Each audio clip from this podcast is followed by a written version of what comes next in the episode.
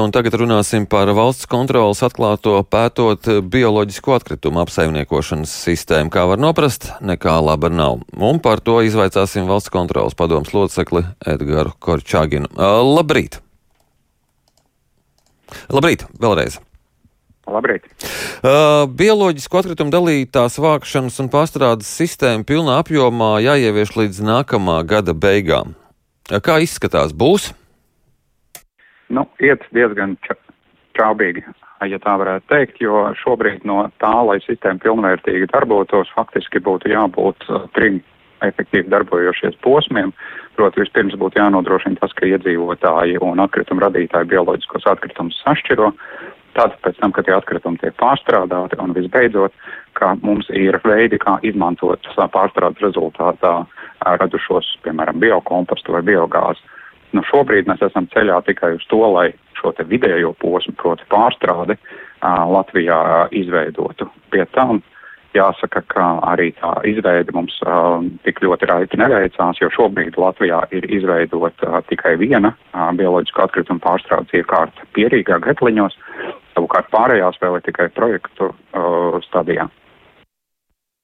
Mm, tā tad eh, var paredzēt, ka termiņi kavēsies, vai tas paredz arī kaut kādas sankcijas?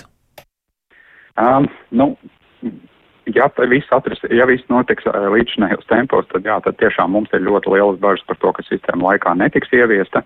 Un jāsaka, nu, tās finansiālās sankcijas ir diva veida šeit. Viens ir tas, ka jo ilgāk mēs velkam gumiju šīs sistēmas ieviešanā, jo uh, vairāk mēs atņemam iespēju Latvijas iedzīvotājiem un atkritumu radītājiem ietaupīt uz zemāku maksājumu rēķinu. Tas ir tā būtu tā viena daļa, uh, kur mēs jau, piemēram, revīzijas laikā aplēsām, ka tikai pārliekot sākotnējos sistēmas ieviešanas termiņus no 21. gada sākuma uz 23. gada beigām, mēs jau esam lieguši Latvijas iedzīvotājiem ietaupīt vairāk kā 16,5 miljonus eiro. Otra lieta, kas ir ar ko finansiāli jārēķinās, ir iespējamās sankcijas no Eiropas komisijas puses. Gadījumā, ja Latvija neizpildīs Latvijas pašas apņemšanos līdz nākamā gada beigām šo sistēmu ieviest. Un šeit tās sankcijas jau var būt līdz pat 11 miljoniem eiro gadā. Jā, nu tad līdz nākamā gada beigām ir jābūt sistēmai, kas ne tikai darbojas, bet ir arī efektīva un atbilst vidas prasībām, kā ar šo efektivitāti. Nu, efektivitāti mēs paskatījāmies um, tajā, uh, tajās plānotajās jaudās, kuras pārstrādē Latvija plāno izbūvēt, un faktiski skatījāmies, ka poligonos plānotie bioloģiski noardomā atkritumu pārstrādes uh, šīs iekārtas mūsu vērtējumā tiek plānotas daudz lielākām uh, jaudām nekā Latvijā faktiski ir saražoto bioloģisko atkritumu daudzums. Proti jau iekārtu jaudas ir gana lielas. Turklāt ir jāņem vērā, ka ir vēl arī jaudas, kuras piedāvā pašvaldībās izveidotie uh, bioloģiski noardām atkritumu kompostēšanas laukumi. Un turklāt, kā mēs revīzijā vēl runājām, arī ar Latvijas biogāzes ražotāju asociāciju, arī biogāzes stacijas ir gatavas pārstrādāt šos bio, bioloģiski noardāmos atkritumus. Kā rezultātā mums ir bažas, ka mēs izveidojot pārāk lielus, uzbūvēt pārāk lielus biogāzes pārstrādes iekārtas, uzliksim to uzturēšanai nepieciešamos maksājumus jau vēlāk uz atkritumu radītāju pleciem. Tātad tā, tās būs papildus izmaksas? Tieši tā. Bet šī sistēma, cik tā veidojas ērti un izdevīgi iedzīvotājiem? Nu, lai sistēma strādātu, iedzīvotājiem ir jāsaprot tātad vispirms, um, kas ir bioloģiski atkritumi, kā tos pareizi šķirot, un uh, uh, ir jānodrošina arī iespējas iedzīvotājiem to darīt. Un tas, ko mēs redzējām, un ne tikai valsts kontrola to ir secinājusi, ka iedzīvotāja informētība joprojām nav pietiekami liela, un arī iespējas iedzīvotājiem šķirot savus atkritumus uh, nebūtu nav visur ērti pieejams. Turklāt vēl jau Latvijā nav izmantots arī iespējas um, ne tikai um, savu šķirošanu un uh, nogādāšanu atkritumu uz poligoniem, um, atkritumu pārstrādes iespējas, bet, piemēram, arī tāda vienkārša lieta kā mājkompostēšana. Jo, piemēram, nosakot uh, skaidrs prasības mājkompostēšanai, es pieļauju, ka ļoti daudz iedzīvotāji varētu šos bioloģiskos atkritumus paši savās piemājas saimniecībās vai piemājas dārziņos arī kompostēt uz vietas, ne, nekur nemaz nevedot.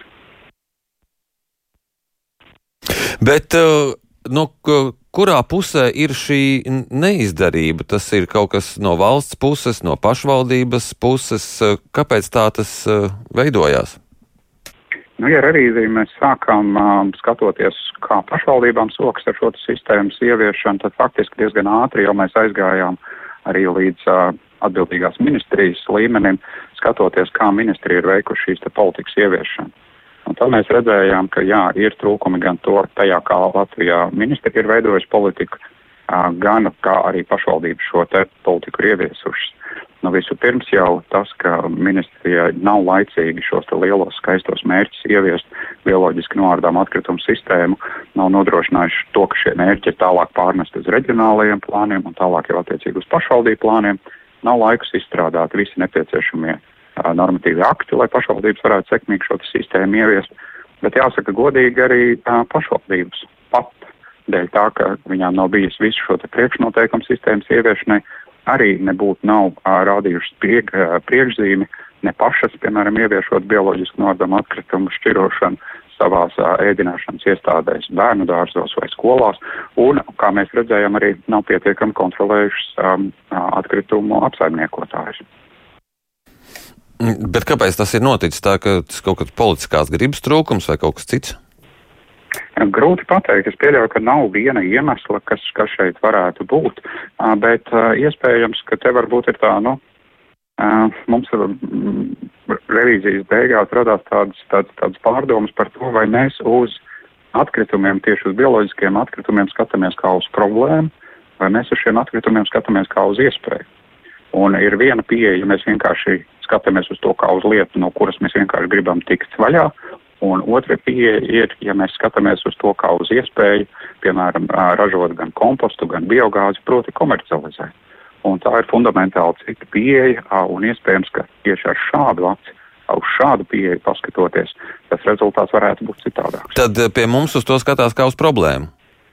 Nu, pilnīgi dažkārt tāds iespējas rodas, jā. Uh, bet ko tagad valsts kontrole iesaka darīt? Uh, kā risināt šo problēmu? Nu, Vispirms jau var svaigu aci paskatīties uz to, kā šī sistēma šobrīd tiek veidot un iespējams iedot šai sistēmai restartu. Proti paskatīties uh, vispirms, uh, vai tas, kā mēs esam plānojuši šos atkritumus savākt un pārstrādāt, ir pats optimālākais veids, vai nav iespējams šīs izmaksas samazināt, un mēs redzam, ka ir iespējas samazināt izmaksas, uh, un, protams, ļoti aktīvi ķerties pie darba uh, saistībā ar iedzīvotāju informēšanu, izglītošanu, motivēšanu, nepieciešamo likuma izstrādi, lai tiešām līdz 2023. gada beigām šī sistēma, nu, varbūt ne optimālā apmērā, bet nu vismaz diezgan, diezgan būtiski jau būtu ieviesti. Jā, liels paldies par šo sarunu. Es atgādinu, ka mēs sazinājāmies ar valsts kontrolas padomus locekli Edgars Korčāginu un runājām par uh, valsts kontroles atklāto pētot bioloģisko atkritumu apsaimniekošanas sistēmu.